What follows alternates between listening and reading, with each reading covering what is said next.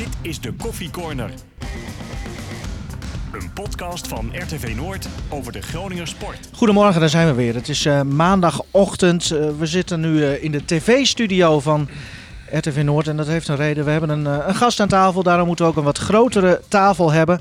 En die gast is eh, niemand minder dan Wouter Gudde, Tijd voor een dieetje. algemeen directeur eh, van FC Groningen. Mooi dat je er bent. We gaan het uiteraard over het beleidsplan hebben, maar er zijn ook eh, nog eens twee wedstrijdjes gespeeld. Daar kun je ook eh, uiteraard eh, over meepraten. En eh, van alles en nog wat komt er ter tafel. We beginnen met stellingen. Wouter, eens of oneens? We gaan dit seizoen nog met publiek spelen. Eens. Martin, die bekend staat als houterig en traag. Van Kaan moet altijd in de basis starten. Eens. Stefan, verlengen die El Hankouri. Oneens. Wouter, Danny Buis is ook volgend seizoen nog trainer van FC Groningen. Eens. Martin, Harris Huizing was beter. Eens. Het gaat natuurlijk over dat, eh, dat, dat Toto-filmpje. Ja. Daar, daar gaan we het straks uiteraard eh, Hij was wel leuk. Ja, was je niet een beetje gepikeerd? Nee, schitterend toch? Oké. Ja, nee, Nou, echt top. Ik kreeg Ja. heel snel een appje van jou eh, gisteren. Ja, hij begon mij ook te appen. Houterig, traag, Harris Huizing beter. Nee, maar dat, Dat dat- stuurde je. Je mag tegenwoordig geen humor meer hebben, Nivino. Dat is heel erg eh, jij lastig. zeker dan, niet. dan word je gepakt. Gepakt ook meteen. Nee, nee maar Harris zelf die gaf een hele mooie reactie eh, eh, daarop. Ja, op jouw en- Facebook, hè? En die gaf ook aan van beter. We waren twee verschillende types. Harris was denk ik, eh, nee weet ik wel zeker, de, de betere voetballer. Hè, die was veel completer. Dat was een, eh, een echte nummer 10. Hè, En ik was veel meer doelgericht. Hè. Ik was niet de, de, de spelmaker die, die Harris was. Dus Ja. appels met peren te vergelijken. Ook een eh, de- visser, toch? En ook een visser. Maar ik ben Ja. geen visser hoor. Nee, maar je had wel vaker beet. Ik had wel vaker. Ja, die, ja, die is lekker. Die is lekker. Jongens, eh, Nee, maar, nee, maar Harris was wel een type toen ik, toen ik nog heel erg eh, jong was. ja, eh, waarvoor ik naar het stadion ging. Hè, want Harris Ja. zag er eigenlijk qua motoriek zag het er ook niet uit. Het was ook houterig, eh, eh, maar, maar was een geweldige voetballer. Z- eh, zwaar onderschat. eh, herinner jij je Harris en Martin nog als voetballers? Wouter? Van beelden, ik, ik keek toen meer eh, Studio Sport eh, vaak. Dus ik weet niet of wij nog tegen elkaar hebben gevoetbald. Volgens mij wel, maar Ik, Ik eh, weet niet hoe oud jij bent. 2004, in 2004 heb ik mijn eerste wedstrijd gespeeld. ja, ik ben in voetbal. 2007 gestopt. eh, en 2005 bij Groningen geloof ik gestopt. Oké, ik speelde eerste jaar nog keukenkampioen divisie tegen Hamming, weet ik nog wel. Heb ik Veendam gespeeld, Ja. maar ik weet niet of jij met Hamming nog hebt gespeeld toen daar? Nee. Nee. Nee, dan misschien net elkaar misgelopen of zo. Dat denk ik. Ja. Dat denk ik. ik heb, ja, Ik jij weet niet bij- eh, wie daar blijer mee moet zijn, Martin of, eh, of Wouter. Nou, ik heb hem natuurlijk wel op televisie gezien, ook wel beelden gezien. Ja. En omdat hij nu directeur is, dan, eh, als dan oude beelden terugkomen, dan houdt hij toch wat meer in de gaten. Mhm. En dat is leuk. We gaan het over eh, de wedstrijden hebben. Onder andere twee potjes gespeeld. Het is echt een moordend programma, zeker in deze maand. Eh, Willem 2 uit, werd met 3-2 gewonnen. Even eh, ter herinnering, El Ankouri 0-1, Nunnely 1-1, eigen doelpunt Dammers 2-1. Toen Itakura 2-2. En eh, ja, in die allerlaatste eh, minuten El Ankouri met de 2-3. En toen gisteren ook nog Twente thuis, eh, 2-2. Doemic 0-1, Van Leeuwen 0-2, El Mesoudi 1-2, Strand Larsen 2-2. Nou, je kunt veel zeggen, maar eh, FC Groningen en, en de wedstrijden van de FC werden vaak als saai bestempeld. Maar dat kun je nu niet eh, zeggen met, eh, met zoveel goals in, in twee potjes. Eh, wat valt jou het meest op, Martin? Nou, inderdaad, dat je, dat je op dit moment de laatste twee wedstrijden enorm eh, geniet. En ik begrijp ook wel dat het een gruwel is voor, eh, voor Danny Buis, zoals er op dit moment gespeeld wordt. Want als jij eh, eh, bekend staat als de Simeone van, van Nederland en eh, nou ja, je, je staat zo met je organisatie, dan, dan denk ik dat het voor Danny eh, behoorlijk pijnlijk is. Eh, aan de andere kant, ik ben een voetballiefhebber. Ik ga zitten. Eh, ik wil eh, en, en hoop op een goed resultaat van, van FC Groningen. En je wil En- vermaakt worden toch ook? Ja, en, en, dan, dan zie, ja, en ik wil vermaakt worden. En dan zie ik gewoon heerlijke momenten. Hè. Kijk, eh Joost natuurlijk die in de eerste wedstrijd eh, geblesseerd eh, uitviel. Hè. En dan hoop je dat Elan Kouri erin komt. Hè. Want die laat het toch een keer zien. En, nee, maar toen Elan Kouri erin kwam, toen dachten we eigenlijk allemaal wel van... Ah, hè, het, wel een bijzondere wissel. Maar wel geweldig dat het uiteindelijk met twee goals... dat hij heel belangrijk is. Ah, en je, je gunt het hem wel, hè? Nee, je gunt het hem wel. Maar en je ziet ook wel van dat het gewoon eh, het heel veel met hem doet. Aan de andere kant zeg ik wel van als er eh, publiek had gezeten, dan had hij denk ik niet meer gespeeld. Nee, denk je dat? Ja. Hoe, kijk jij Nou, daarnaar, Wouter? Want hij is wel veel besproken, hè? Dat, dat zal jullie ook niet ontgaan zijn. Nee, ik vind dat een lastige stelling, of er niet meer had gespeeld. Alleen, eh, ja, er- wa- was kritiek, dat voelde je ook wel. En eh, ja, we moeten ook eerlijk zijn, als je aanvaller bent en eh, je, je hebt, jouw rendement ligt op dat niveau, dan is het ook niet goed genoeg. Kijk, wat je volgens mij nooit Mo kan verwijten, is dat hij zijn best niet heeft gedaan. Mhm. Want dat heeft hij altijd wel gedaan. En ik vond ook tegen Willem II, toen hij erin kwam, eh, even los van de twee goals, hij had ook eh, nog een geweldige actie die de keeper pakte. Hield iets simpel, gewoon er langs schieten tussen de palen. Hij ging een paar keer diep voorzetten. Nou, met op een beetje geluk al een assist in de eerste helft. Ja, die Larsen, die niet kwam er net niet, eh, niet aan. Eh, het lijkt bij hem, als hij het wat eenvoudiger houdt en wat minder moeilijk voor zichzelf maakt, dan zal misschien zijn rendement wel hoger gaan worden. He- heeft hij speciale aandacht gekregen eh, van jullie, van de club, de afgelopen tijd? Nou, met name de staf, hè, die heeft daar altijd wel heel veel vertrouwen in gehouden. En, eh, en die zijn ook eh, wel wekelijks gewoon bezig eh, met alle aanvallers om inderdaad eh, ervoor te zorgen dat dat rendement omhoog Ja. gaat. Hè. Want Maar mentaal bedoel ik meer, even los van het voetbal. we hebben mentale begeleiding eh, inderdaad ook op de club. Eh, ik weet niet of Mo daar dan heel veel gebruik van heeft gemaakt. Want het zit hem ook gewoon in praten met mensen, praten met de trainer. En uiteindelijk, ja, de beste remedie, eh, dat weet Martin ook, is gewoon een doelpunt maken op het veld. En laten we hopen dat hij eh, over het dode punt heen is. We hebben natuurlijk ook gezegd van, hé, want, je hoorde iedere keer van Danny Buis ook van, ja, hij, doet, hij werkt keihard op de training. Maar goed, dat is ook wel het enige wat je, wat, wat je mag verwachten dan ook. Hè? En dan eh, eh, komt het uiteindelijk aan op de examen. En als jij in februari 2019 eh, je laatste eh, goals hebt gemaakt, dan, dan is dat qua rendement natuurlijk wel heel erg weinig. Ja, maar En, en er zit nog wel wat assisten bij, zeg maar. Hè, maar goed, ik, ik heb wel eens gezegd van, eh, het is geen slechte voetballer. Alleen, ehm, je moet ook eh, bij een club passen op een of andere manier. Hè. De- het kan best zijn dat de ene speler, en dat geldt voor trainers ook, en misschien ook wel voor directeuren, dat, dat het bij de ene club wel past en bij de andere niet. En het zou best kunnen zijn als El Ancori aan het einde van het seizoen misschien vertrekt hè, naar een club, en dat je denkt van, is dat dezelfde? En dat hebben we vaak met meerdere spelers gehad. Maar, maar voor hem is dit natuurlijk Ja, wel... maar zoals hij gisteren speelde, had hij toch wel, ja, was geen niet echt een vleugelaanvaller, toch? Het was echt. Nou, hij speelde de tweede helft gewoon linksback. Ja, hij was aan het stofzuigen. Hij Nee, was maar qua, van al- men- nee, maar qua mentaliteit is Ja. er niks mis. Nee, maar ik Alleen- bedoel, zie, zie jij zo'n rol eh, dan voor hem weggelegd? Want ik vond hem gisteren echt gewoon wel, wel goed. Ja, ik zie hem liefst als buitenspeler, maar dat weet je. Ja, maar ja, als hij daar dus geen Ja. hè, rendement levert, maar hij doet het op deze manier zoals hij het gisteren deed, in een andere rol. Hoe... Maar dat, dat vind je, jij ziet daar niet zoveel in. Nee, ik, ik, ik ben eh, ouderwets. Ik hou van de, van de Hollandse school. Ik hou van eh drie spitsen. Ja, eh, mits hè, je goede buitenspelers hebt. Ja. En, en ik denk dat dat bij Groningen mogelijk is. Maar goed, hè, kijk, een Ellen Koeri kan volgens mij prima bij, links buiten spelen, rechts buiten spelen. Maar goed, bij Groningen hebben ze wat dat betreft een andere visie. En, en die visie levert op dit moment gigantisch veel punten op. ik had net de stelling van jou, Stefan, eh, verlengen die Elan Koeri, want zijn contract loopt af. Weet jij wat ze gaan doen? Nee, maar het eh, zegt denk ik wel iets dat er daar nog niks over naar buiten is gebracht. En dat je daar eigenlijk nog niks over hoorde. Misschien dat Wouter er iets meer over kan eh, vertellen al. Maar ja, als je heel simpel gaat kijken hè, naar wat hij tot nu toe heeft laten zien in dienst van Groningen, is het natuurlijk fantastisch dat het nu wat beter gaat. Maar al met al ehm, is het gewoon te vaak net niet geweest. En als je gewoon puur naar die statistieken kijkt, denk ik eh, dat het misschien wel het beste is om eind van het seizoen uit elkaar te gaan.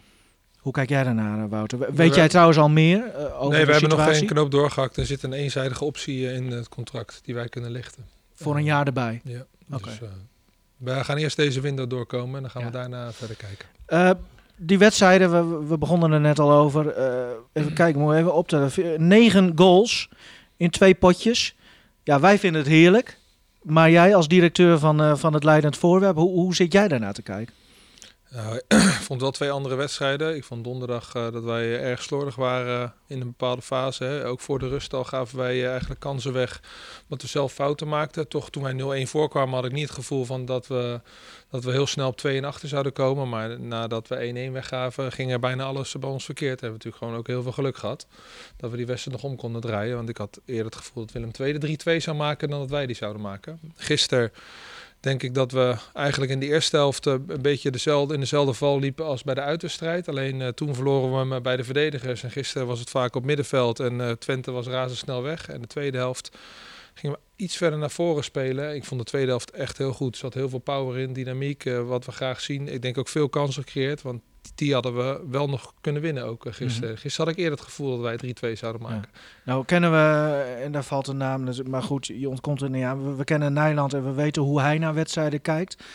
Hoe kijk jij naar wedstrijden? Eh, Nee, ik, ik leef ook wel mee. En eh, ik weet wel, gisteren zaten we dan met de jongste directie en met de oudste directie van de Eredivisie bij elkaar. Ja, je ziet wel dat Jan Je ziet Strooy, wel een verschil. Jan Strooy en Paul van der Kaan zitten wel iets rustiger op de tribune dan Mark-Jan en ik. Eh, dat klopt. Eh, Maar ja, Hans die zat er ook eh, heel bevlogen altijd. Om het zo Ja, maar te ja, zeggen. ja, ja, je moet, ja, dat helpt niet. Maar ja, ja, je leeft mee omdat je weet gewoon dat elk resultaat heeft invloed op je werkweek. Dus ja, je wil gewoon winnen. en jij bent dan van Vladeres en jou ben jij dan, denk ik, de rustigste? Iets Of- rustiger, ja. Alleen ik, oh, ja, je, je hoort mij ook wel eens wat roepen. Alleen ik heb wat dat betreft wel het geluk dat Mark Jan er ook is. Die is iets luidruchtiger. Nou, ik heb wel eens gehad, hè. Dan eh, zit die perstribune bijvoorbeeld vlak voor eh, waar jullie zitten. Ja. En nou ja, Mark Jan, dat is gewoon een halve zetsider af en toe, zoals hij daar eh, op die Ik tribune heb dat op de beelden, jij, jij zit in het stadion, op de beelden is dat niet te zien. Nee, maar die Dan is... zitten zij altijd rustig. Ja, maar Mark Jan die is aan het schreeuwen, aan het doen. Dat, ja, dat is wel mooi, het is hoor. nu ook... Maar dat moet je niet verder vertellen, anders krijg je continu een beeldje op nieuwsdag. Ja, bij wedstrijden, net als ja. bij Buis. Ja, Ja, wa- dat- wa- dat wat hoorde vind je ik dan? Want over Buis inderdaad, die was dan in de wedstrijd tegen... Willem 2. Ja, was hij de hele tijd in beeld. Omdat hij de eh, wedstrijd daarvoor tegen Utrecht was hij weer een beetje op zijn buis was hij bezig. Nou kennen wij als Groningers kennen dat. Dat is voor ons totaal niet nieuw. Maar kennelijk viel het de, de, de mensen bij ESPN viel het op. En ze hadden eh, besloten om dan maar de volgende wedstrijd... Nee, net zoals met Robben met hadden, Robben bij eh, een camera vol op buis te zetten de hele tijd. En soms zelfs was de wedstrijd bezig. En dan in een apart beeld ernaast in het scherm werd buis dan laten zien in een zogenaamde split screen. Wat vind je daarvan? Nee, ik, ik vond dat apart. Eh, ik, eh, mijn vrouw belde me na de wedstrijd en zei... ik heb nog nooit zo'n vervelende wedstrijd gezien. Want Danny was meer in beeld dan voetbal. Ja. En Ja. Soms zelfs goals. Eh, daardoor. Eh, dus eh, we hadden afgesproken van als dat nog een keer zou gebeuren tegen Twente... dat wij wel even zouden gaan bellen. Want Oh ja? eh, de- dat gaat, vind ik, er nergens over. Je moet gewoon die voetbalwedstrijd uitzenden. Ja. En als er dingen gebeuren die bijzonder zijn... Hè, de- volgens mij heeft Danny ook zijn excuses aangeboden aan, aan met eh, de dag daarna. Dan, dan begrijp ik dat mensen het uitzenden. Maar ga nou niet een camera op... eh, op Maar wacht even, met. Robin vond je, vonden jullie het wel mooi, toch? Almere City uit. Nee, ja, dat, dat konden we nog begrijpen. Ook dan, als wij dan vijf wedstrijden verder waren geweest en Arjen had ze alle vijf meegedaan, dan hadden we datzelfde gedaan. Want uiteindelijk gaat het wel gewoon om, om het team. En dat het heel bijzonder is dat Arjen zijn eerste wedstrijd speelt, dat konden we toen Het was een oefenpotje, het ging nergens om toen Nee, natuurlijk. Nee, maar het voelde ook niet oprecht. Hoe bedoel je? Nou, dat Danny iedere keer in, in, bij- in beeld was, zeg maar. Het voelde een beetje, Beetje stemming, voor lul, beetje voor lul zetten. eh, voor lul zetten. En, en dat, dat was mijn gevoel. Ik, moest, ik heb ook wel gezegd, nou, als speler zou ik echt niet zo'n trainer-coach willen hebben. Weet je, die, die continu bezig be- eh, is en schreeuwen. Ik zou er hartstikke gek voor worden. Ik denk ook dat ik daar wel een opmerking van maak. Maar ja, Stefan heeft ook tegen mij gezegd van, eh, hij weet van inzij dat spelers het nodig hebben. En eens. Qua, en Eh, qua resultaten. Maar het mag soms wel, eh, dat zag ik ook in die wedstrijd tegen Willem II, wel wat minder. En ik vind wel dat Buis eh, soms iets beter zijn momenten ook moet uitzoeken. Want je zag af en toe, dan had Willem II de bal, die ging aan een aanval beginnen. En dan was hij alleen maar Ko aan het schreeuwen.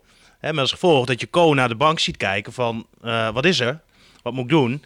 In plaats van naar die speler eh, voor zich. En je zag het ook met El Messaoudi tegen Utrecht. Nou dat refereert Wouter net ook aan. Daar heeft Buis als excuus voor aangeboden. Dat dat af en toe wat te ver ging. Maar dat zijn wel verbeterpunten. En daar moet hij wel eh, stappen in maken. Dat je die momenten, denk ik, iets beter uitkiest. Ja, maar kijk naar onze Dikkie, 73 jaar.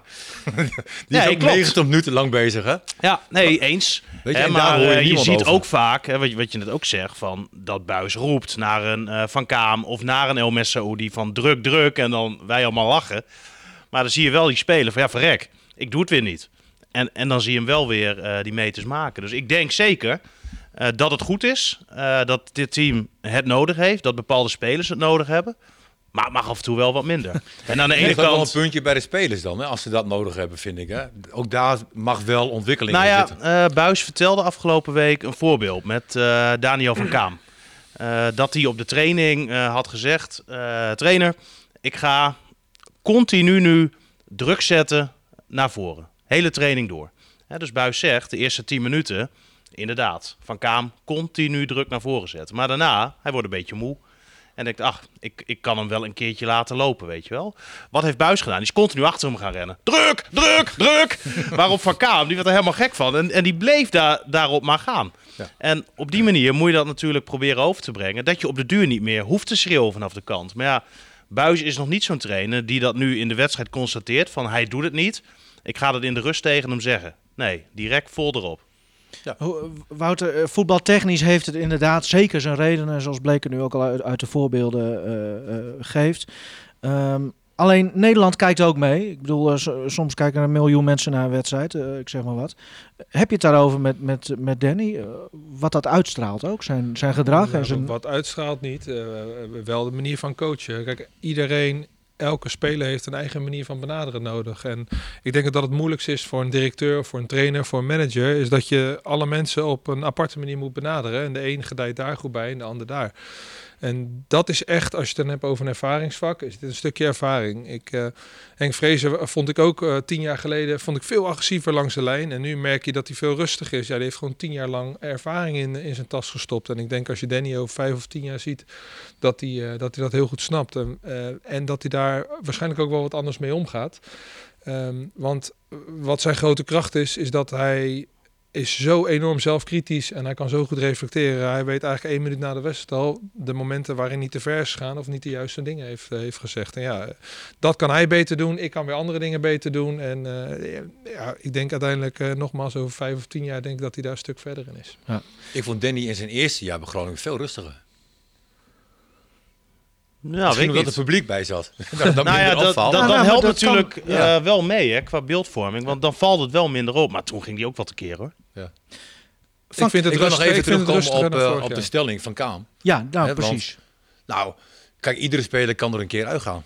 Hè, En ik weet ook niet hoe het zit qua vorm en qua tactiek en weet ik veel wat. Ehm, en, en ik zeg ook niet dat het niet goed was eh, dat Van Kaam eruit was. Eh, maar ik, vind, ik ben wel een liefhebber van Van Kaam. Ik vind het een jonge speler, een talentvolle speler. En eh, die zich eh, prima ontwikkelt. Maar af en toe een keer er niet in staan, is helemaal niet erg. Nou, ik vond het eigenlijk gisteren wat te veel qua wijzigingen. Hè. Je hebt een eh Matusiwa die terugkomt tegen Willem II. Dan voor de eerste keer weer 45 minuten gespeeld. Dan kan ik me voorstellen dat het prettig is dat je je maatje naast je hebt... met wie je eigenlijk altijd eh samen speelt. Want nu had hij eigenlijk niemand naast zich, omdat ze maar met één controleur speelden.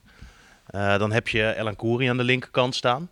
Nou, die speelt natuurlijk ook eh, niet heel veel. Je hebt Soeslof ineens in de basis staan. Dat gebeurt ook bijna nooit. Je hebt ineens Da Cruz eh, in de basis staan. Dat gebeurt ook bijna nooit. En ik had het idee, doordat je dan ook nog een Van Kaam weghaalt... dat er gewoon ja, iets te veel nieuwe spelers in stonden... waardoor het gewoon even niet lukte. Is het ook niet het type van Kaam? In plaats van puur, puur alleen hem? Want Nou ja, hij, hij was natuurlijk wel wat lakser hè, de laatste weken. Dat, Ja. dat, dat klopt wel. En ik vond wel dat hij het... eh, maar iets- met zijn passing bedoel ik? Dat, Nou ja, want dat ontbrak nu, dat, dat ontbrak zeker. Maar je zag ook die voorassist nu bij, eh, bij dat doelpunt van Strand Larsen. de 2-2, ja. Nou ja, dat is wel een kwaliteit van hem. Eh, Buis, die, eh, nou, jij sprak van Kaam en jij vroeg hem waarom stond je er, ernaast. En toen zei Van Kaam tegen jou dat Buis had uitgelegd dat het om tactische redenen ging. En dat hij een, eh, met een nummer 10 wilde spelen die meer ook richting de zijkanten trok. Eh, nou ja, dat klopt. Eh, Hoe, hoe eh, he- heeft Buis daar na de wedstrijd op gereageerd tegen jou? Want je hebt hem daar denk ik ook naar gevraagd. Van, wat vond je ervan? Je plan? Nou ja, hij was niet tevreden met hoe het eh, uitgevoerd werd. Hè. Want anders ga je ook niet met de rust natuurlijk drie wissels eh, doorvoeren. Hij had denk ik toch wat meer, eh, meer verwachtingen daarvan. La- lag dat aan de spelers of aan zijn plan? Of aan hoe de spelers het Nou ja, uitvoeren? beide natuurlijk. Eh, zijn plan kwam niet uit de verf. Dat ligt aan de trainer. Ja. Maar ik vind het altijd jammer als Messaoudi teruggehaald wordt als verdedigende middenvelder. Mhm. Op 10 heeft hij laten zien dat hij, dat hij ook rendement heeft. Hij maakt doelpunten, hij is, hij is gevaarlijk. En nu komt hij eigenlijk een beetje in een rol als, als, als controleur. En dat vind ik jammer. En Nou ja, hij moest wel, terug. Terwijl Buis natuurlijk een aantal weken geleden ook zei. Toen moest er ook het nodig eh, gewisseld worden. Hè, toen zeiden van ja, ik ga hem nou niet terugzetten. Want hij doet het juist zo goed eh, waar hij nu stond. Ja, dus eigenlijk offer je dus nu eh Verkaam op. Hè, Omdat Nou ja, en- Soeslof een beetje meer op 10 en dan via de zijkant dan door moest komen. Eh, dat, dat vind ik jammer. Ik vind ook Ja. de, de handelingssnelheid van Soeslof is veel te laag. Dat, dat moet allemaal veel sneller. Nou ja, hij tegen Willem. II deed hij dat bijvoorbeeld wel goed. Hè, een paar keer. Die, die counter waar uiteindelijk de 1-0 uitkwam. Ja. ja, een ontzettend goede rush van hem. En hij geeft die paas uiteindelijk ook op, op het juiste moment. Terwijl ik eigenlijk dacht, die, die, hij geeft hem te laat. Vergeet Eh. niet dat ook gisteren dat hij helemaal in het centrum stond en tegen Willem II rechts. Ja, Ja. En ja. als je rechts staat, hoef je maar één kant in de gaten te houden, want daar is je zijlijn. eh, heb je gewoon meer tijd nodig. Gisteren zag je bij de tweede goal, ja, was hij om zich heen aan het kijken en Hoepa was de bal kwijt, doelpunt. Ja. Ja.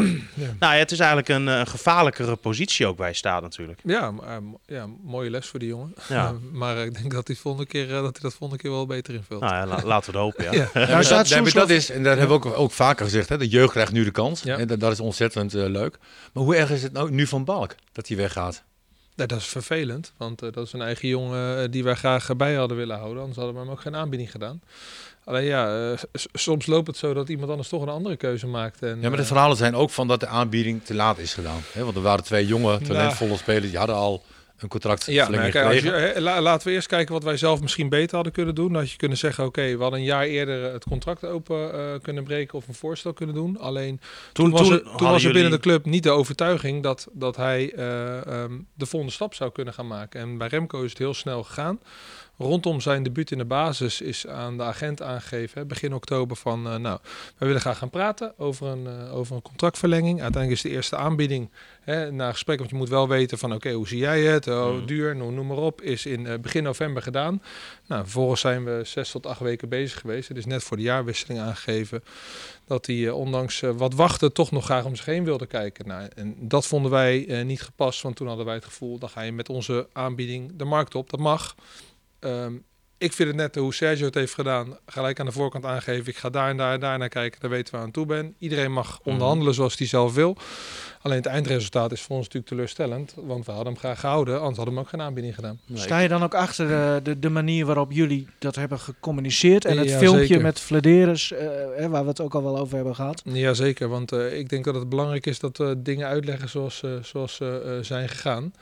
Eh, je hebt ook nog een, een ander verhaal, dus uh, daar moet Remco ook eh, daarin eh, natuurlijk zeker zijn verhaal doen.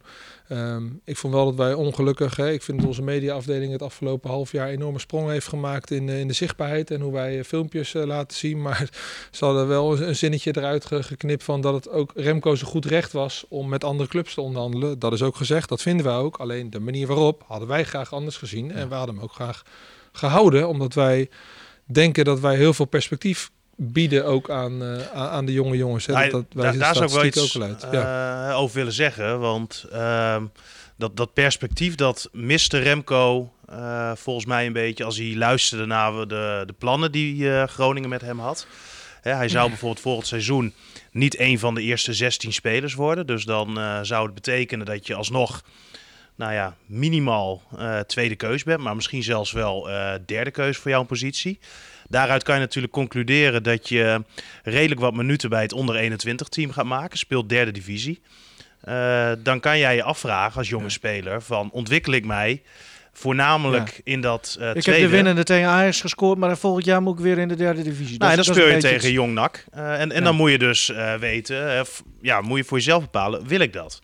Hè, of ga ik bij een Utrecht tekenen, wat een deze dagen waarschijnlijk gaat gebeuren.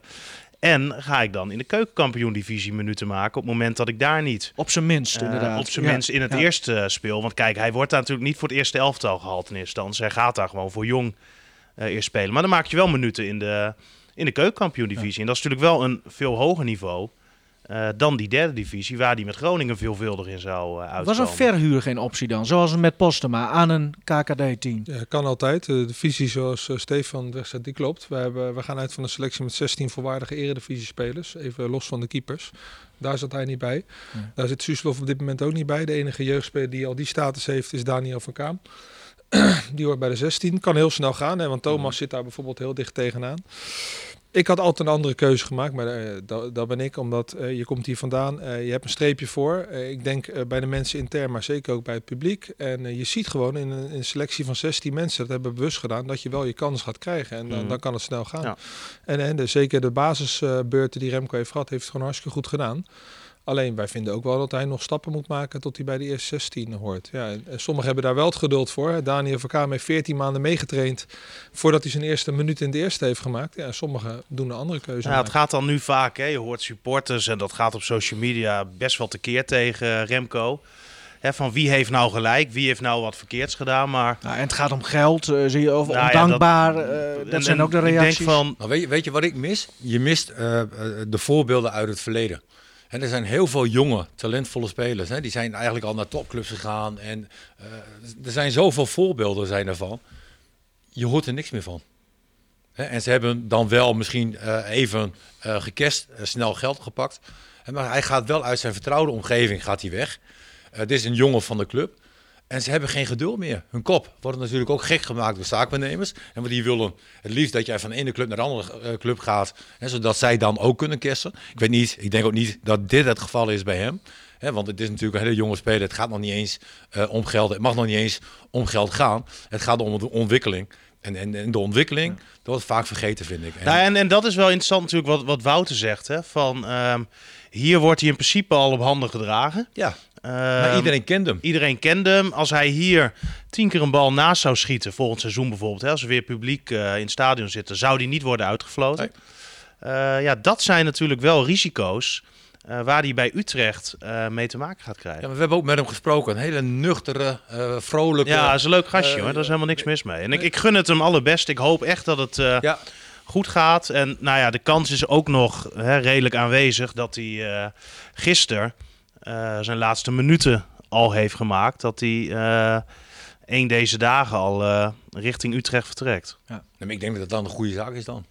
Weet je, eigenlijk is de nou ja, basis vol- dan volgens nu al... mij eh, een beetje zijn weg. ze er bij Groningen ook wel eh, een beetje klaar mee. Dat Ja, begrijp dus ik er komt niet nog een aller, aller, allerlaatste poging. Ah, ik vind- ik vind het of, eh, jammer. de- Nee, het is klaar. gewoon Hij is, gebeurd, eh, ja. hij, is- hij is Twee weken geleden of vorige week zeiden we nog van... Hè, laten we nu alles gewoon aan de kant gooien... en kom gewoon weer met elkaar aan tafel. Wij hebben fouten gemaakt, eh, eh, zij hebben fouten gemaakt. Maar ja, op een gegeven moment is er te veel gebeurd. En dat terwijl Robben, eh Balk viel Robben meteen op, hè? Toen Robben hier kwam. Nou ja, Robben ik zie die, een scout eh, in Robben. Ro- Robben die zei Voor inderdaad Utrecht. van, eh, hè, jullie hebben het nu met z'n allen over eh Romano Ja. Postuma de hele tijd. Maar volgens mij is Balk veel verder. En dat was nog voor die wedstrijd tegen Ajax.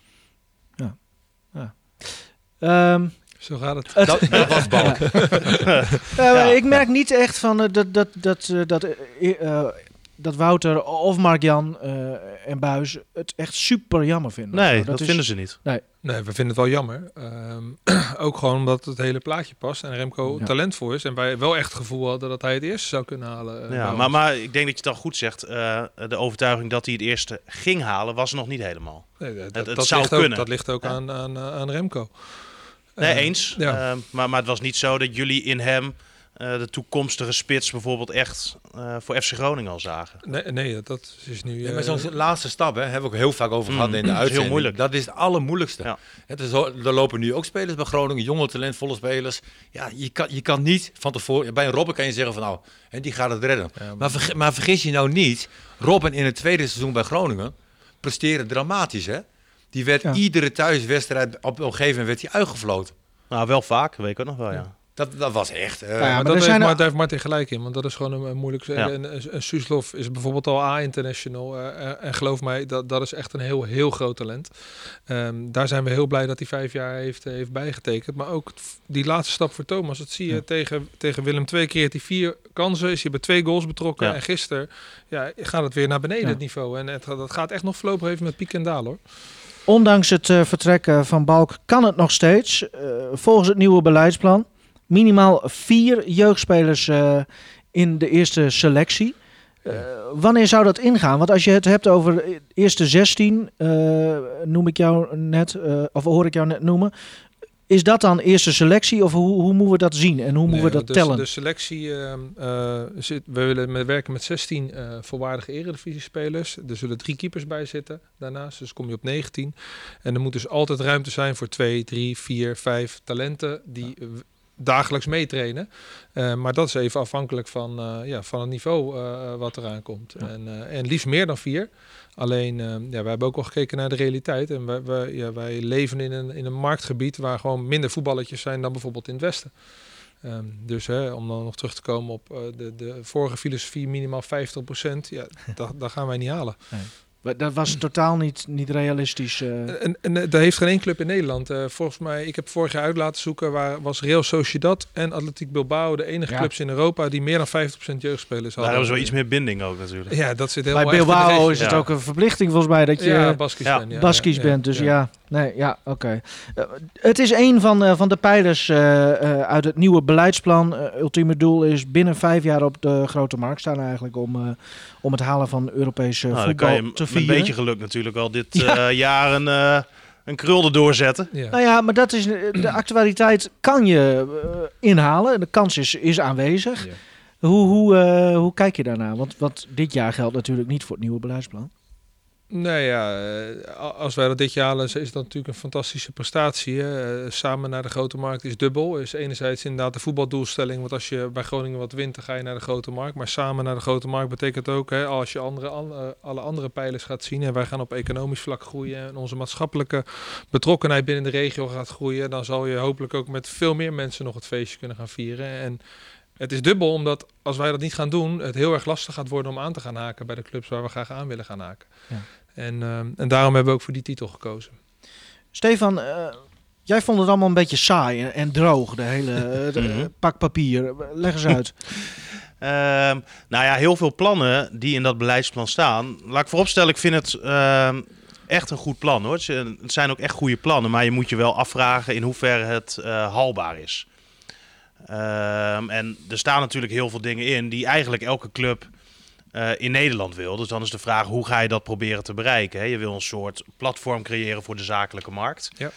Ehm, nou ja, dat is natuurlijk het hele idee achter een, eh, een businessclub, wat je Ja. eigenlijk denk ik bij elke eh, club ziet. Dus daar, ehm, en dat is dan wel interessant, hè? hoe wil je dat gaan doen en hoe, hoe wil je ervoor zorgen dat jouw club het meest interessant is om naartoe te gaan ehm, en om je geld eigenlijk aan te geven, Mhm. om eh, dat je denkt te kunnen groeien.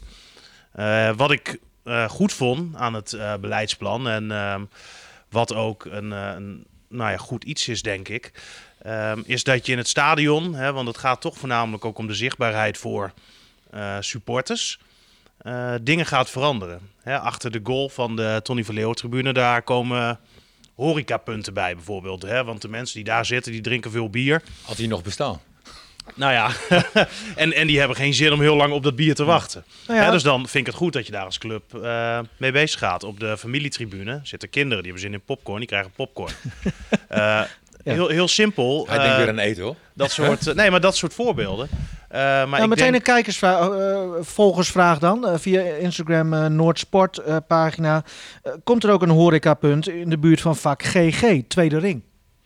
Nou ja, wa- wat we gaan doen is dat we eh, met alle tribunes aparte werkgroepen gaan starten. Daar zijn we al een jaar geleden mee begonnen met inderdaad eh, de Tony van Leeuwen tribune eh daarachter. En, en wij hebben toen gezegd, oké, eh, wij- willen in principe budget vrijmaken om jullie wensen te realiseren. Jullie zitten er één keer in de twee weken, dus geef maar aan, wat heb je nodig? Nou, daar zijn inderdaad een aantal dingen uitgekomen die eh, lijkt het ook allemaal haalbaar zijn. Eh, en dat gaan we met elke tribune eh, doen. Kijk, dit stadion, eh, ik heb het toen ook gezegd, het is echt van binnen een fantastisch stadion. Ik vind het echt een van de mooiste stadions ook om in te spelen. Alleen, het is een eenheidsworst en het is, vind ik, te weinig met een commerciële gedachte gebouwd. Hè. Als je 11 horecapunten hebt voor 22.000 mensen, op de bovenste ring zelfs geen toiletten, dat je weer naar beneden moet, ja... De economie heeft ons ingehaald op dat eh, vlak. Dus wij zullen, zeker ook met de gemeente, de aankomende jaren echt moeten gaan kijken om te gaan investeren in het stadion. Maar hoe die tweede ring, dat, dat, daar kun je eigenlijk Ja, niet dat kan, dat kan wel. We zijn bijvoorbeeld met Noorderpoort in gesprek nu. Noorderpoort heeft een nieuwe vestiging geopend, waardoor er op de tweede ring weer wat leegstand is. Als je gaat doorbreken, dan zou je weer dingen kunnen. Alleen ja, kost wel een bak met centen. Ja. Ehm, um, maar uiteindelijk moeten we er wel zo naar gaan kijken. Omdat eh, anders ga je ehm, op de tweede ring en het is koud en het voetbal is een keer niet leuk en je moet plassen. En dan moet je een kwartier in de rij staan en dan denk je, nou laat ik maar geen biertje meer nemen. Want als ik dan weer zit, ik moet weer plassen, dan moet ik weer een kwartier in de rij staan naar beneden. Ja. Ja, dat, dat, dat is niet meer van deze tijd. Eh, misschien nog een derde ring trouwens, eh, zoals je voorganger ooit eh, riep. Hou daar ook rekening mee, want straks dan zitten we over een paar jaar. En dan, eh, Maar hoe lang is het nog vol te houden zonder spelen zonder publiek en Gaan- bedrijven die het ook lastig krijgen nu? Ja, nee, daar zit wel de grote zorg, eh, zeg ik eh, eerlijk. Kijk, wij gaan dit jaar eh, gaan wij volhouden en praten wij niet meer waar we vorig jaar ons echt zorgen maakten over de continuïteit. praat je dit jaar eigenlijk meer over het ambitieniveau. We hebben ongeveer ehm, een bedrag van 6 miljoen euro wat ter compensatie eh, staat. Nou, eh, stel je voor, wij worden helemaal niet geholpen. Dan kunnen we met onze liquiditeit gewoon het, het verlies dekken. Alleen ja, dan kom je dus in de problemen als je eh, bijvoorbeeld daar een speler verkoopt en je wil gaan herinvesteren. Volgend jaar is er weer een begrotingstekort. Je weet inderdaad niet wat seizoenkaarthouders en wat sponsors gaan doen. Dus wij hebben daarom wel weer steun en hulp nodig. En daarom hopen we ook dat het vertrouwen er is in, in de visie die we hebben weggezet. En dat mensen denken van oké, nou, we, gaan weer die club helpen. En ja, we hebben ook perspectief nodig vanuit de overheid een keer. Ze moeten nou ja, van, niet gaan roepen vanuit, vanuit Gommers dat we nog negen maanden thuis moeten blijven zitten. Want ja, daar, daar, wordt de economie niet beter van. Nee, maar vanuit die uh, overheid, hè, jullie worden natuurlijk gesteund ook ja. door de overheid. En nu was er afgelopen winter uh, serieuze belangstelling voor Pad. Ja. Hè, die uh, Ludogorets wilde hem natuurlijk het liefst direct overnemen. Ja. Hebben ook tot drie keer een prima bot, uh, of uiteindelijk het laatste bot, nou ja, was volgens mij een redelijk bot. Um, maar je moet maar zeggen of dat uh, klopt of niet. Dat vonden wij niet. Dat, nee. dat vonden jullie niet. Maar jullie hebben ook natuurlijk nu uh, met die overheidssteun dan te maken, waar je ineens rekening mee moet gaan houden. Of je een speler wel of niet op dat moment wil laten gaan, omdat dat dan ook weer gevolgen heeft. Toch? Nee, ja, als je theoretisch ziet als je iemand verkoopt, dan wordt je omzet hoger. Dus dat dan, uh, dan kwalificeer je inderdaad minder voor de steun. Maar daar hebben we nu niet eens naar gekeken. Nu was de vraag gewoon heel simpel. Is de kans met of zonder Sergio op Europees voetbal mm. groter? Nou, dat was met. En uiteindelijk zijn we ook nog in een tv-strijd, uh, tv-gelderstrijd verwikkeld met Herenveen. We moeten daar gewoon boven eindigen. Ja, en dat, dat, dat was staat veel, er op zich wel lekker voor. Dat uh, klopt, maar er was veel meer geld. Dat staat veel meer geld op het spel dan het bod van Ludo Gorets. Dus dat was niet zo'n hele moeilijke beslissing. Okay. Uh, even een nieuwe vraag. De vraag van net was trouwens van Michel Schonewille. Patrick Keizer die vraagt via Twitter: is er al meer bekend over de stadionhuur? Is dit uitstel of ook deels afstel voor dit seizoen? Nee, dat was al bekend. Hè? Wij, wij hoeven dit jaar geen huur te betalen. Uh, die wordt achteraan het huurcontract uh, vastgelegd. Alleen uh, dat zullen we ook de aankomende weken naar buiten gaan brengen. Als wij de cijfertjes, we gaan onze prognose delen. Mm -hmm. dat iedereen ook kan zien hoe we ervoor staan. het klinkt een beetje gek, maar wij, wij, wij, betalen liever wel een gedeelte van de huur. Omdat we voor de coronacrisis met de Euroborg en V hadden afgesproken dat er een investeringsagenda zou komen voor het stadion. Waar we het dus net over hebben gehad. Ik weet niet of mensen wel eens naar onze videowalls bijvoorbeeld kijken. Maar ik ben elke week uh, blij dat die nog aangaan. Ja. Uh, en, en, wij zullen ook daarin uh, wat moeten gaan doen. De, je hoort elke keer zo'n irritante piep in het, in het stadion. Dat is omdat onze geluidsinstallatie kapot is en afgeschreven. Dus wij, wij moeten daar echt stappen gaan maken. En geluidsinstallatie vervangen, ben je acht ton verder. De, de, dus ja, ook daar zullen wij de aankomende jaren voor moeten gaan sparen om te gaan ja. investeren ja. erin. En, en dat past dan allemaal weer in een stukje, hè, want een van die pijlers van het mooiste het, evenement, ja. Ja, mooiste evenement. Ja, ja, dan moet je ook wel een beetje geluid hebben. Nee, dat klopt. Dus eh, de, de, belangrijkste nu is dat wij volgend jaar een elftal hebben staan, wat wederom voor de play-offs Europees voetbal gaan staan. Daar moeten we het eerst geld voor hebben staan. En als wij dadelijk Matusiwa of Pat of wie dan ook moeten gaan vervangen, dat er budget is om te gaan investeren. Mm. Dat is het eerste. Houden we over, dan zullen we altijd een balans maken dat we zoveel mogelijk blijven investeren in het voetbal. Maar we geloven er ook wel bij. Als het stadion aantrekkelijker wordt om te komen, komen er ook meer inkomsten uit. En dat gaat van videowalls tot fanpleinen buiten. We hebben geen wifi, of we hebben wel wifi in het stadion, maar die doet het niet. Nou, nu wel. ja, nu wel, er geen publiek zit. Maar dat zijn allemaal dingen die zijn gewoon in, in 2021 Maar, maar is belangrijk. het een beetje uh, dan naar Duits model als het ware? Hè? Want in Duitsland, in de Bundesliga of in de tweede Bundesliga, maakt eigenlijk helemaal niet uit. Die stadions zitten vol. Ja. Hoe slecht het voetbal ook is, drie uur voor de wedstrijd, uh, wordt er daar al volop... Uh, bier gedronken rondom ja. het stadion. Er worden braadworsten gegeten. Ja, we gaan verhuizen. ja, ja. Nee, maar dat, als, ik, ik ga Duits model. naar, uh, naar Duits voetbal. En, en dat heeft daarmee te maken. Maakt me echt geen reet uit naar welke wedstrijd ik ga. Maar die hele sfeer, die hele beleving. Heb je wel een punt. Dat, dat heb je niet bij RKC. Man, ik ben blij dat het weekend is. Hè. En, en dat door de week ook wedstrijden zijn. Dan nou, leef ik echt helemaal op. Ja. Ik vind het geweldig. Je, je kijkt echt uit naar VVV Heracles, noem maar op. Weet je, je denkt van, oh heerlijk, een wedstrijd kijken. Hmm. Ja, Uh, nog even een economisch vraagje. Uh, Meijer 1982 vroeg dat. Is er al een tussenstand bekend van afzien van compensatie door supporters en uh, sponsoren? Um, aan, aan, de supporterskant zijn iets meer dan 11% van de seizoenkaarthouders die al hebben volledig hebben afgezien van compensatie. En wij gaan of einde van deze week of ergens volgende week ook zeg maar zelf beginnen met onze campagne. Dus dan kan je gaan steunen. En we willen rond maart gaan beginnen met uh, de seizoenkaartencampagne. Even afhankelijk uh, van ja, hoe staan we er in Nederland ja. voor. Hè? Zitten we nog steeds in een lockdown en is er geen perspectief, dan kan het zijn dat we een weekje wachten. Maar we gaan wel de opties bieden in ieder geval om af te zien van compensatie of eventueel door te schuiven naar volgend seizoen. Dat men ook maar weet oké, hier zijn we bij Groningen aan toe. En onze accountmanagers, die moeten gewoon langs gaan weer bij de Mhm. bedrijven. Hè. Wij, wij willen ook daar gewoon duidelijkheid eh, geven. En kijken of we kunnen helpen in, in deze tijd. Want bij de een gaat het geweldig. Hoe gek het misschien het ook klinkt. eh, En bij de ander eh, ja, is het natuurlijk een rampspoed. Ja, in hoeverre, hè, want we hebben het nu al een tijdje over die eh, financiën. Ja. Het is geen geheim dat jullie nog steeds aan het wachten zijn op een ja-woord van Iran dus. Ja. Ehm, hè, wat gesteggel met zaakwaarnemers is er volgens mij nu gaande. Maar dat is geen goedkope jongen. Eh, dat is ook geen geheim. Hè. Daar, moet best wel een, eh, een zakje geld voor eh, betaald worden. Je zou ook kunnen zeggen, Groningen staat nu zesde. Het gaat eigenlijk qua resultaten boven verwachting. We weten nog niet wat de toekomst ons gaat brengen. We weten nog niet wanneer er weer publiek naar binnen mag. Ehm, we doen dat even niet. Nee, dat kan. Alleen wij, geloven zeg maar in drie dingen die echt de financiële continuïteit van de club gaan eh, overeind gaan helpen. Eén is dat liquiditeit. Hoeveel geld heb je op je bank staan? Twee, kan je dat combineren met je eigen vermogen? En drie is de waarde op het veld. En als wij zo'n jongen zouden gaan halen, ja, dan doen we dat niet eh, voor de lol. Dan verwachten wij dat hij en ons team direct beter maakt, maar dat we hem ook voor een veelvoud kunnen gaan verkopen. En dat is in onze business gewoon de snelste manier om, om, om vermogen op te bouwen. Eh, dus zullen wij altijd blijven kijken zonder gekke risico's eh, te gaan nemen. Want wij houden ook rekening met het feit dat misschien niemand ons helpt. Dat volgend jaar een crisis inkomt, dat onze inkomsten naar achter gaan. Maar als wij dat niet gaan doen en we gaan daarop wachten, ja, dan sta je dadelijk ineens veertiende. En dan heb je nog een veel groter probleem. Nou ja, eens. Ja. ja.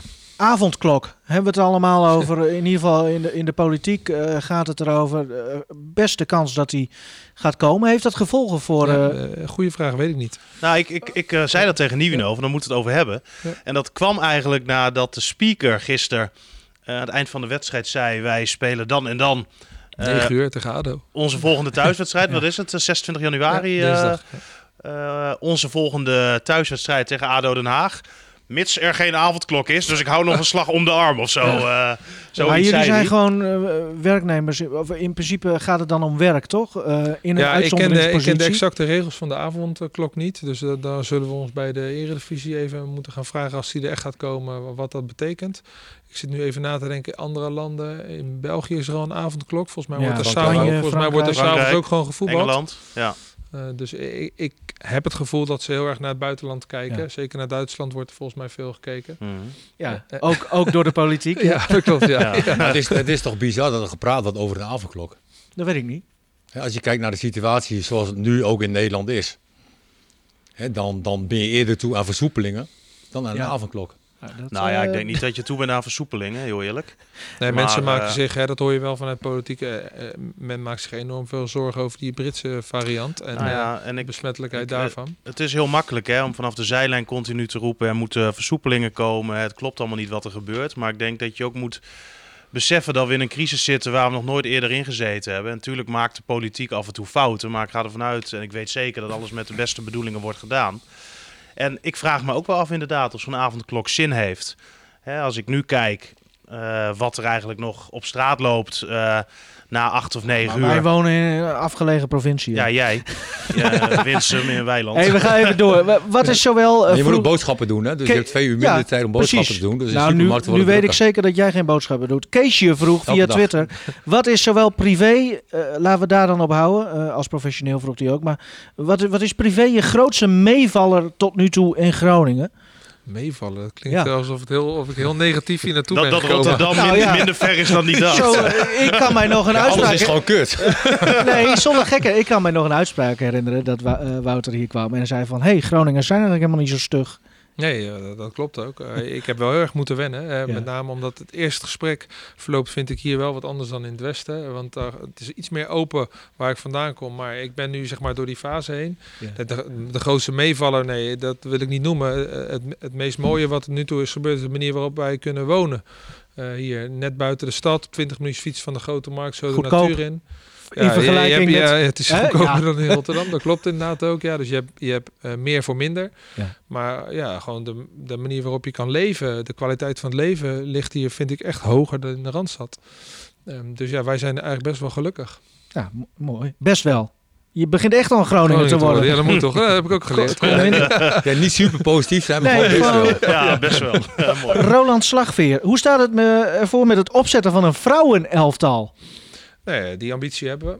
Ehm, ik, niks in het beleidsplan, toch? Of Ja, wel? zeker wel. Ja. Oh, we wel. hebben Oh, sorry, ja. onder de, de kop, eh, onze maatschappelijke koppen, wij willen bewegingsarmoede oplossen, aangeven dat wij vinden dat wij eh, allereerst sport moeten aanbieden voor, wij noemen dat dan doelgroep 0 tot met 99. Dus het maakt niet uit of je jong of oud bent, een handicap hebt of niet, jong of meisje, man of vrouw, uiteindelijk moeten we gaan voetballen. Dat betekent ook dat wij graag ehm, eh, uiteindelijk een vrouwenteam willen gaan hebben. We hebben inmiddels ook wel de, de, de strategie erachter bedacht dat we dat van onderaf aan, op willen gaan bouwen. Dus wij zullen eerst moeten gaan zorgen dat onze regionale voetbalscholen de beste meisjes gaan waarborgen. Waar uiteindelijk een onder 17 of een onder 19 uit gaat komen. Een ja. jong FC Groningen en dan een eredivisie elftal. Alleen daar heeft corona ook weer een impact op, want ja, dat is niet gratis. Nee. Eh, zeker in eredivisie elftal niet. Dus eh, ik hoop dat we aankomend seizoen kunnen gaan starten eh, aan de onderkant. Maar het kan zijn dat het nog een jaar vertraging oploopt. Ja, dat- zaak? Nou ja, tuurlijk.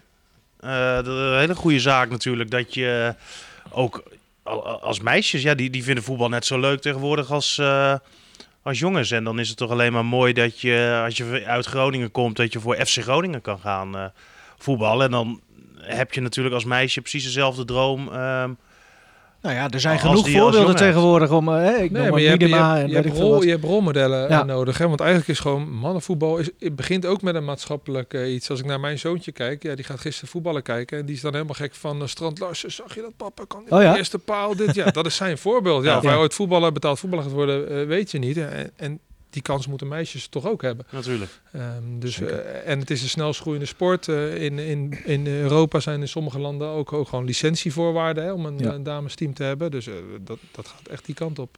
Is eh, FC Groningen nog bezig in Azië, vraagt Jacob Scholma. En dan gaat het niet alleen om, om het sportieve, hè, Itakura bijvoorbeeld, eh, maar ook marketing eh, technisch. Nee, daar zijn we op dit moment niet mee bezig. Daar, daar liepen wat lijntjes in Japan. Nou, dat leverde ongeveer net zoveel op als dat het kostte. Oh, Ehm, was en- wel een gezellig reisje. en, en, onze, onze Hmm. tv-deal laat het niet echt toe om eh, op dit moment echt te gaan ondernemen in het, ehm, in het buitenland. En wij hebben onze binnenlandrechten verkocht aan Disney, eh, ESPN. Onze buitenlandrechten zijn verkocht aan IMG. En ehm, eh, die worden zeg maar vermarkt voor ons, waardoor het heel moeilijk is om bijvoorbeeld in Japan eh, met je eigen wedstrijden deals te gaan maken, want dat ligt bij een andere partij. Mhm. Het loopt in 2025 af en het is heel belangrijk dat wij als Nederlands voetbal daar ehm, eh, eh, wat lossere deals bij gaan maken. Want daar is en meer geld uit te halen, maar ik denk ook meer ondernemerschap. Zeker bij de grote clubs. Ajax wil heel graag in Zuid-Amerika en Amerika aan de gang gaan. Ja, dat is voor het Nederlands voetbal alleen maar goed. Dus op dit moment is het lastig zaken doen in Azië. Komt er ook, een, eh, je noemt nu inderdaad Disney, hè, in relatie tot ESPN. Bij Feyenoord zijn ze een jaar lang alles aan het filmen, ook in de kleedkamer. Zit dat er bij jullie in? Of misschien Robben, of misschien gebeurt het al? Nee, eh, op dit moment niet. Eh, wij zouden daar als club, eh, daar moeten we uiteraard goed over, over hebben, maar wel voor openstaan. We hebben wel voor een, voor een grap opgegooid bij de staf. En eh, die reageerde, vond ik, eh, verrassend eh, positief. Hè? Want ook niet Buis elke- ook? Niet, ja, zeker. Niet Ja. elke trainer is, is daar fan van. Maar iedereen heeft natuurlijk nu die docus gezien van Leeds United, van Tottenham Hotspur. Ja, dat is ook echt prachtig, hè? Sunderland, Maar dan moet je ook alles Ja. opengooien. Ja, dan moet je, je zien. moet je afvragen, denk ik, of Groningen interessant genoeg is. Juist, nou dat is denk ik een terechte vraag. maar Ja, wat, want, wat jullie betreft dus gebeurt het, be- begrijp ik. Nou ja, wij staan er zeker voor open. Ja. Ik denk dat je dat helemaal niet moet afvragen. Dat, dat gaat sowieso gebeuren. Ik denk als je bij iedere amateurclub, als- zelfs als je die gaat volgen, zeg maar, dan wordt het al interessant. Ja, maar dan wordt het cult. Ja, ja, ja. Ja, da- daar, ben, daar ben ik wel van. Thomas, ja. Nee, maar kijk, het is natuurlijk, als je zoiets maakt, dat, dat kost klauwen met Ja. geld. Dat moet natuurlijk wel terugverdiend worden. En Ja. dat verdien je alleen maar terug eh, doordat mensen ernaar gaan kijken. Kijk, Feyenoord, maak me geen zorgen over. Er gaan natuurlijk voldoende mensen kijken. Dat is eh, geen zorg. Ga je dat bij FC Groningen doen? Ja, dan was het dit seizoen bijvoorbeeld met Robben erbij Ja. misschien wel interessant genoeg geweest. Want dan heb je ineens een wereldspeler ehm, die je achter de schermen ziet. En Is daar nog over nagedacht door jullie om, om zelf iets te maken ja, rond zeker, Robben? Ja, zeker. Ook Wilde hij wel- niet? Ook nog wel geïnformeerd, maar uiteindelijk is er niks eh, concreet geworden. Nee. Want? Nou, hij wil niet, toch? Arjen staat er zelf ook niet echt eh, om te springen, maar wij hebben ook niet echt een concreet voorstel eh, gekregen. Nou, op zich wel mooi hè, dat hij dan met die documentaire over Michael Jordan eh, uiteindelijk Ja. gekieteld is om, Ja. om terug te keren. En volgens mij heeft jullie mediaafdeling ook wel een beetje dat idee gehad om zo'n soort documentaire dan eh, met hem Ja. te gaan maken. Hè, ook de, de comeback en eh, nou ja, noem maar, maar op. Maar ja, dat, dat, dat vindt hij me niks. We moeten even door, want jij, jij moet zo weg. Ehm, eh, is dat dan voor presentatie Iran dus? Of? Nee, dat is niet voor presentatie. Anders Nee. voor Maar- een maar interview met de VI. Te wie? Oh, oké. Ja, Te Wierik, die wordt natuurlijk... eh, kunnen jullie hem vandaag nog eh, presenteren? Nee, en Mike is gisteren eh, gekeurd. Ja. En, eh, daar heb ik geen eh, andere berichten op gekregen. Dus ik ga ervan uit dat het goed is gegaan. Dus ik weet niet of dat vandaag Nou ja, hij, gaat eh, gebeuren. hij zei dat, het, eh, dat, dat dat goed was gegaan Ja. gisteren. En eh, dat hij, als het goed is, vandaag eh tekent. 3,5 jaar. Kijk. Nou, uitstekend. Ehm, ik denk Danny wel, als je ja. Groningen laat volgen, zeg maar, zoals dat eigenlijk Ja. hoort, dan wordt het booming. Zo, oké. Echt. nou ja, Nee, maar ook als je kijkt naar ja. een club als Sunderland. Sunderland Ja. is echt niet zo'n hele grote Nee, club. maar dat is was wel- maar Martin, dan vergis je echt in. eh, Nee, deze is wel een grote club. En, Nee, maar voor Azië is zo groot. voor daar zit leek, er- voor Ja, de leek. ja, ja. Voor de leek is dat niet groot, maar prachtig. Sunderland, Till I Die. Ja, ja, ja, Het is zo mooi om te zien. Martin, jij wil het graag. eh, Dat schrijven we op. We moeten even door, want eh, Danny Buis. ehm, ja, sorry Martin. Nee, Danny Buis, die, die, die, even afgezien van al die rare beelden dat hij eh, staat te schreeuwen langs de zijlijn. Is volgens mij ook wel erg in trek. Bij andere clubs. Oh, bij andere clubs. Eh, ik dacht bij, bij ons. Ja, nee, ja, ja dat, dat, dat zou goed kunnen. Kijk, ik denk dat wij op dit moment boven budget, dus boven verwachting presteren. En daarvoor gaat een groot compliment uit naar de staf. En daar geeft hij leiding aan. Dus ik kan me goed eh, voorstellen dat clubs daarnaar kijken. Nou, er was afgelopen zomer natuurlijk wat interesse eh, voor hem. Ja, dat is niet, in ieder geval bij ons nooit eh, concreet geworden. Eh, hij heeft het uiteraard ook eh, netjes gedeeld dat, eh, dat er een shortlist was waar hij op stond. Ja. Maar dat is verder niet concreet geworden. En op dit moment speelt hij ook niets. En ik- ja, ik ben wel blij dat wij gewoon vorig jaar voor twee jaar verlengd hebben. Heb, heb je wel, eh, ja, elke club heeft zijn, zijn schaduwlijstjes natuurlijk, maar de ene die, die is er wat bewuster mee bezig dan, dan de ander, denk ik. Voor, voor komend seizoen, ga je er eigenlijk gewoon vanuit dat hij er nog steeds is? Of? Ja, want we hebben inderdaad een contract. Alleen eh, het zou heel naïef zijn als wij niet eh, kijken naar eh, hoe de markt er nu in zit. Ja, dat weet je natuurlijk nooit. Dus wij moeten wel ons huiswerk klaar hebben. En dat, hebben, dat hebben we ook. Ook daar is, is een lijst van. En uiteindelijk als het concreet gaat worden, ga je die specifieker maken. Alleen op dit moment speelt daar nog niets. Alleen dat kan heel snel gaan. Hè. Kijk maar naar Van der Brom. Die was binnen twee dagen weg en eh Racing Genk. Dan moet je Op zich wel bijzonder, hè? Want toen Buis gehaald werd natuurlijk, hè? dat werd toch door Jans gedaan. Dat was het laatste jaar ook van Nijland. Nou ja, een grotere mismatch ehm, was eigenlijk niet denkbaar. Nijland en eh Buis, volgens mij hebben we elkaar ook nooit meer gesproken sinds Nijland weg is. Buis bleef op zijn afscheid zelfs een uur of drie hangen in de Euroborg. Volgens mij om er zeker van te zijn dat Hans ook hè, daadwerkelijk eh, met die doos onder de arm eh, het stadion verliet. Eh, maar daar heb je wel heel veel geluk mee gehad. Dat die match er nu wel is. Hè? Met, met jou en Mark-Jan. En, en Danny. Want Mark-Jan die heeft natuurlijk een hele voetbalvisie eh, ontwikkeld. En dat is natuurlijk ook het werk van een technisch directeur. En dan is het wel prettig dat je een trainer hebt die daarachter staat. Hè, zoals eh, Buis en Jans. Hè, dat was natuurlijk in principe dezelfde verhouding. Ja, dat, dat klikte voor Nee. geen meter. Nee. En nu met Vladeris. Gisteren mocht eh, Buis wel eh, je zeggen tegen Jans. Ja, ik hoorde het, ja. dat is wel grappig, hè? Ja, maar die hebben elkaar natuurlijk ja, gisteren dan heel even hè, voor de wedstrijd gewoon over koetje en kalfje gesproken. Maar, maar die hebben voor de rest natuurlijk ook helemaal geen, geen contact. En wat dat betreft is het natuurlijk wel mooi dat die klik en met de huidige leiding en buis eh, wel is. Mhm. En dat is ook wel belangrijk. En ik denk ook dat dat nog wel jaren zou kunnen werken. Wat is er, Martin? Nou, kijk, Danny is gewoon heel direct. En daar daar moet je ook mee om kunnen gaan. Hè. Hij is impulsief. Hè. Hij gooit ook heel, veel dingen eh, eruit. Eh, de een vindt dat prettig, de ander die kan daar slecht aan wennen. Hè. Maar nogmaals, ik heb ook eh, na het eerste seizoen toen Reis, eh, de persconferentie van Reis, met Danny gesproken. En dat was echt aan het einde van het seizoen.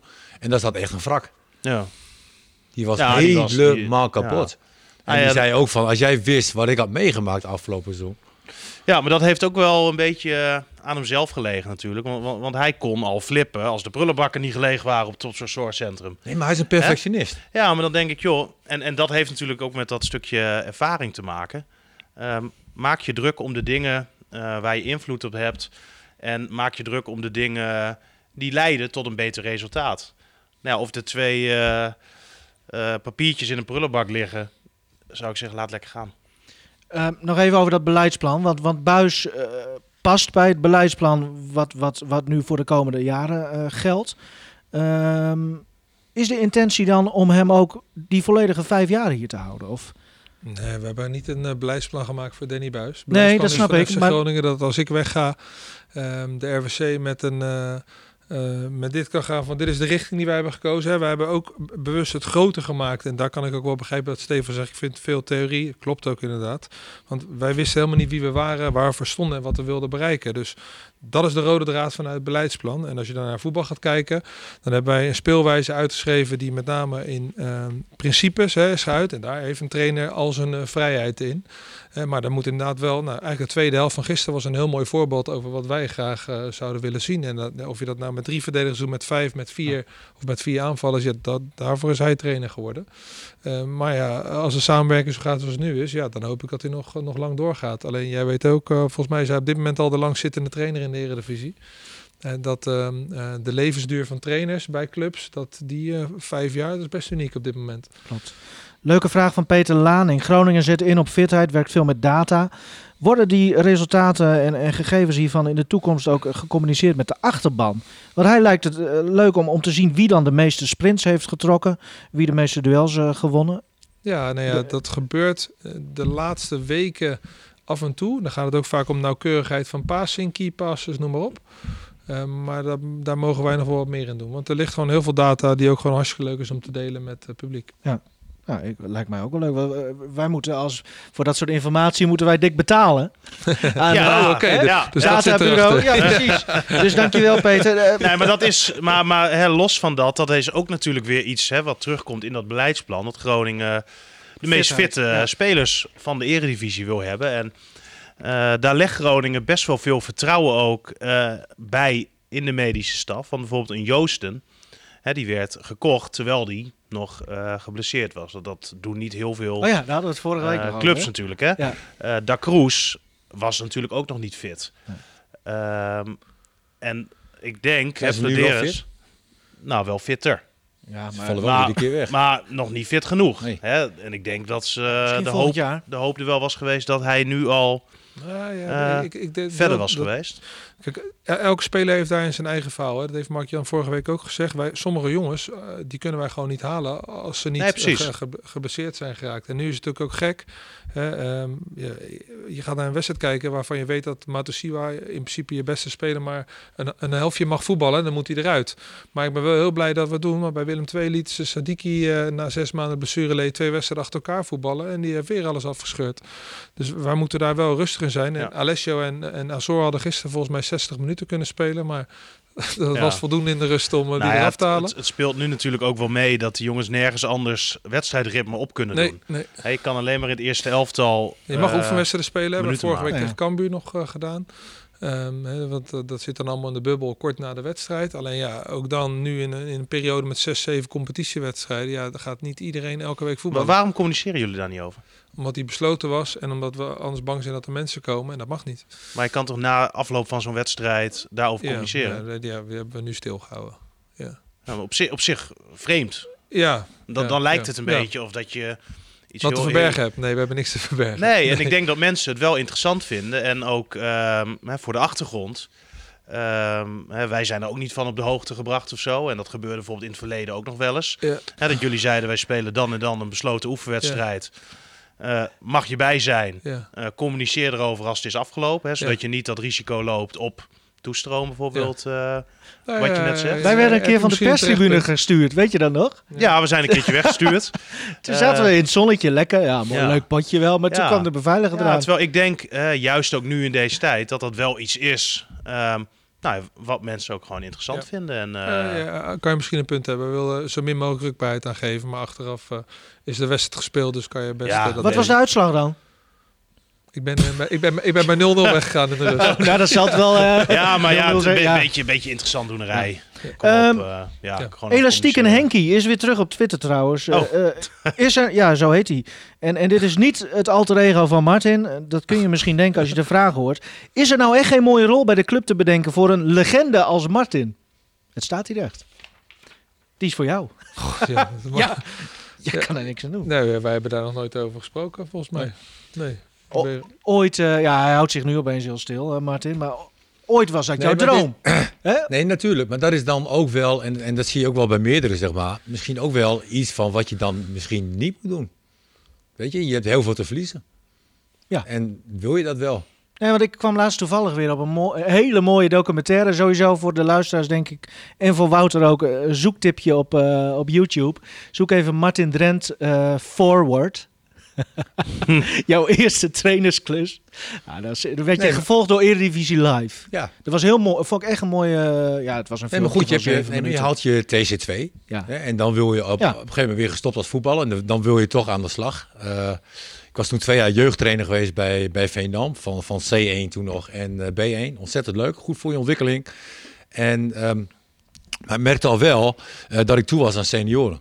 En Hmm. Ja, waar moet je dan naartoe? Ja? Je, je staat net voor de eerste op je eigen benen, zeg maar. En, en dan ga je gewoon kijken. En, ehm en was natuurlijk een club die, die heel ver bij mij vanaf staat. Ja. zeg maar. Nou? Stropdasjes. nou, uiteindelijk gaat het nee, gewoon om maar ik- zuipen. dus, Nee, maar ik ben een jongen van het volk. Ja. eh, eh, weet je, en dan kom je bij, bij al die HBO'ers en eh, jongens van de universiteit. Hè, en dat staat natuurlijk eh, best wel ver van, van elkaar af. Hè. Betaald voetbal en dan een studentenvereniging. ja. En Volwas stond bekend als een van de moeilijkste clubs in, in Groningen. En, en dat was voor mij de uitdaging. Ja. Ik denk van nou, ik ga Maar- daarheen. Ja. En ik heb daar, eh, zoals zij zeggen, dan drie eh, fantastische jaren gehad. ja. Want de drie mocht je niet uitspreken, omdat ze Nee. op grote markt eh, drie zaten. En dan, als je dan drie zei, zeg maar, dan moest je een atje nemen. ja, ja. dus Ja, je hebt heel vaak drie gezegd. Hey, maar maar is dat voor jou dan een gesloten boek of zo? Hoe, hoe moet ik dat zien? Want we hebben het hier eigenlijk nog nooit echt over gehad. Maar... Nou, ik denk wel ehm, dat, dat het lastig is. En ik weet ook niet eens of ik het wel wil. Nee, In, precies. in de zin van... ehm, Je bent ook ouder geworden. nee, ook. ook. Nou, je, je bent er toch een keer heel dichtbij geweest. Nee, ik ben assistent eh, trainer geweest bij, bij Emmen. Ja, maar toch ook En- bij en dat- Groningen dat ze op punt stonden om jou een functie aan te bieden. Nou, ik heb twee keer gesolliciteerd voor eh, toen de tijd het belofte team. En ehm, eh, bij de eerste sollicitatie, een fantastische sollicitatiebrief geschreven ook. En ik kreeg ook van Hans Nijland eh, de complimentjes. Van Martin een geweldige sollicitatiebrief. Eh, maar toen kreeg ik eh, een reactie ook al volgens de formele manier. Hè, want je stuurt zelf ook een sollicitatiebrief, mail. Van Janine Jansen, geloof ik. En nou, die gaf aan dat mijn profiel niet bij FC Groningen paste.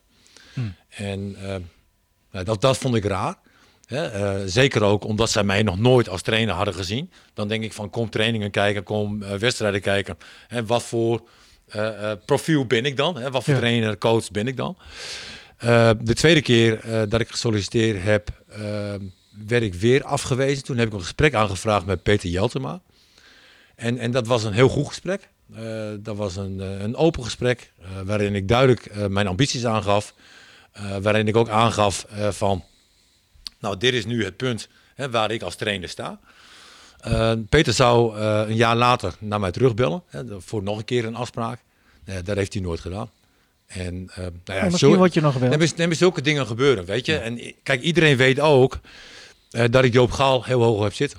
Ik vind Joop Gaal, vind ik, als trainercoach, vind ik dat een, een geweldige trainer. Nu in China. Vergelijkbaar hè, met het niveau van Ron Jans, noem maar op. Hij is heel menselijk, geeft ge- geweldige trainingen. Eh, is tactisch sterk. En, en die zit nu in China. Is hij een optie voor Emmen? Nou, ik, ik denk het wel, maar ook voor FC Groningen vind ik het een optie. Hè, maar goed, eh, dat is wat ik persoonlijk... ja, dan, dan heb je wel elke week natuurlijk dezelfde analyse. Mes tussen de tan, dat zeg je ook altijd. Ja, nee, als nou iemand de hele week druk eh, noemt of Ja. van best tussen ja, de tanden. het is hetzelfde. Nee, nee, maar Eh, weet je, kijk, als ja. Joop ergens komt als hoofdtrainer hè, en ik kan daar assistent van worden, dan, dan sta ik daar natuurlijk open voor. Maar heb je er wel eens over gehad?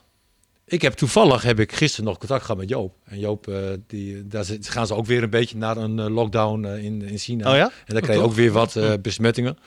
En, en ehm, nou, ik moet zeggen dat Joop best mis. Ah, ja. Ja. Ja.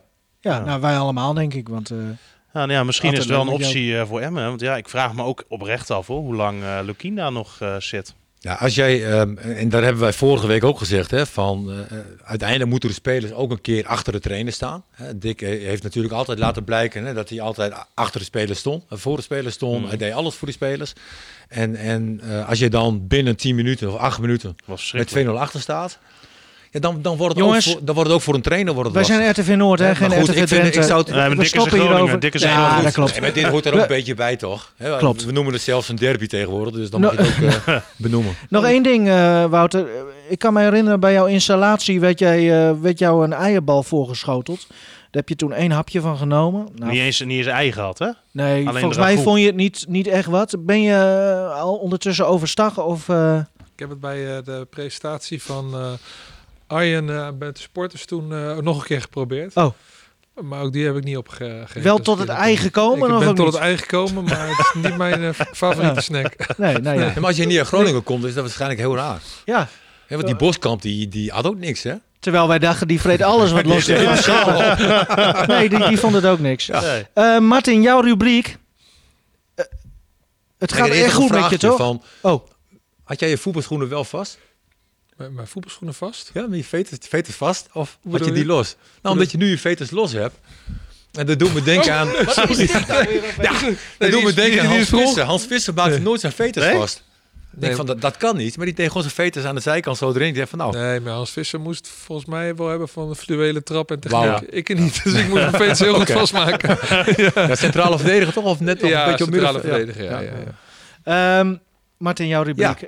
En ik wil jou alvast bedanken trouwens, eh, Wouter, voor je komst. Graag gedaan. En eh, nou, succes de komende vijf jaar. En we, en we gaan het zien of we op die grote markt eh, gaan staan. Nou ja, laten we het eh, hopen. En laten we hopen dat, er dan, eh, dat, dat we daar mogen staan. Ja, inderdaad. ja. Want, eh, nou ja...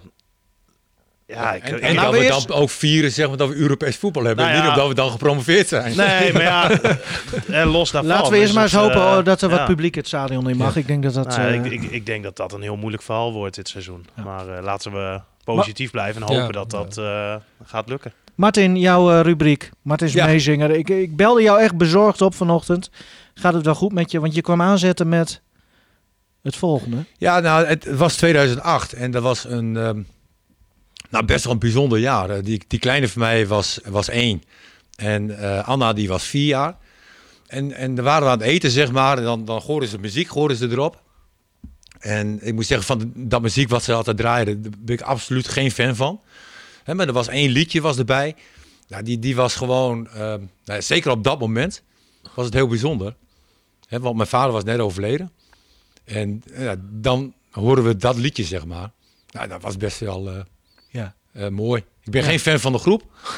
Nou, ze zien er goed uit, toch? Nee, ze, nee, ze zien er alle drie goed uit. Maar, ehm, maar, maar het liedje was gewoon op dat moment, zeg maar, gewoon van... Nou ja, dan dacht je even aan je vader. Ja. Ja. En dat doe je nu weer, zie ik. Ja, Zullen we maar gewoon gaan draaien dan? Ja. mooi. K3. En ik, eh, ik vroeg dus van, gaat het wel goed met je, Martin? Maar het gaat heel goed met je. Dit, dit, dit nummer heeft een... Wel- eh, Welk heeft een verhaal jij ik ook En- verteld? Je moet toch lachen als je zegt K3. Nee, hij belde mij ook op. Ja, hij zegt van, klopt dat? Wanneer zie ik jou terug van K3? En eh, nogmaals dank voor je komst, Wouter. En eh, jij ook, Martin. Ja. Rustig aan. Stefan ook, dankjewel.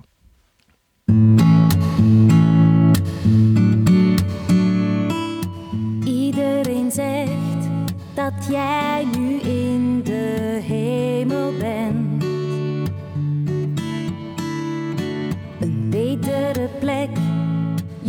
wordt er vast verwend. Nee, ik moet niet huilen, want ik weet dat jij van me houdt. Maar ik zou alles ruilen voor nog één seconde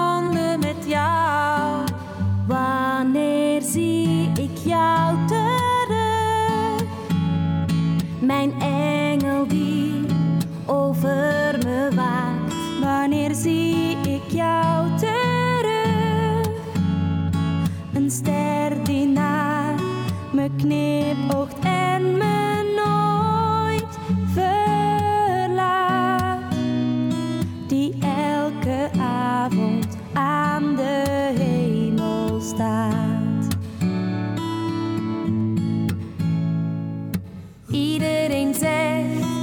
Dat jij nu vast geen pijn meer voelt. Weet iemand echt wat men daar dan mee bedoelt? Nee, ik moet niet treuren, want ik weet toch jij ziet me graag. Wat er morgen ook mag gebeuren,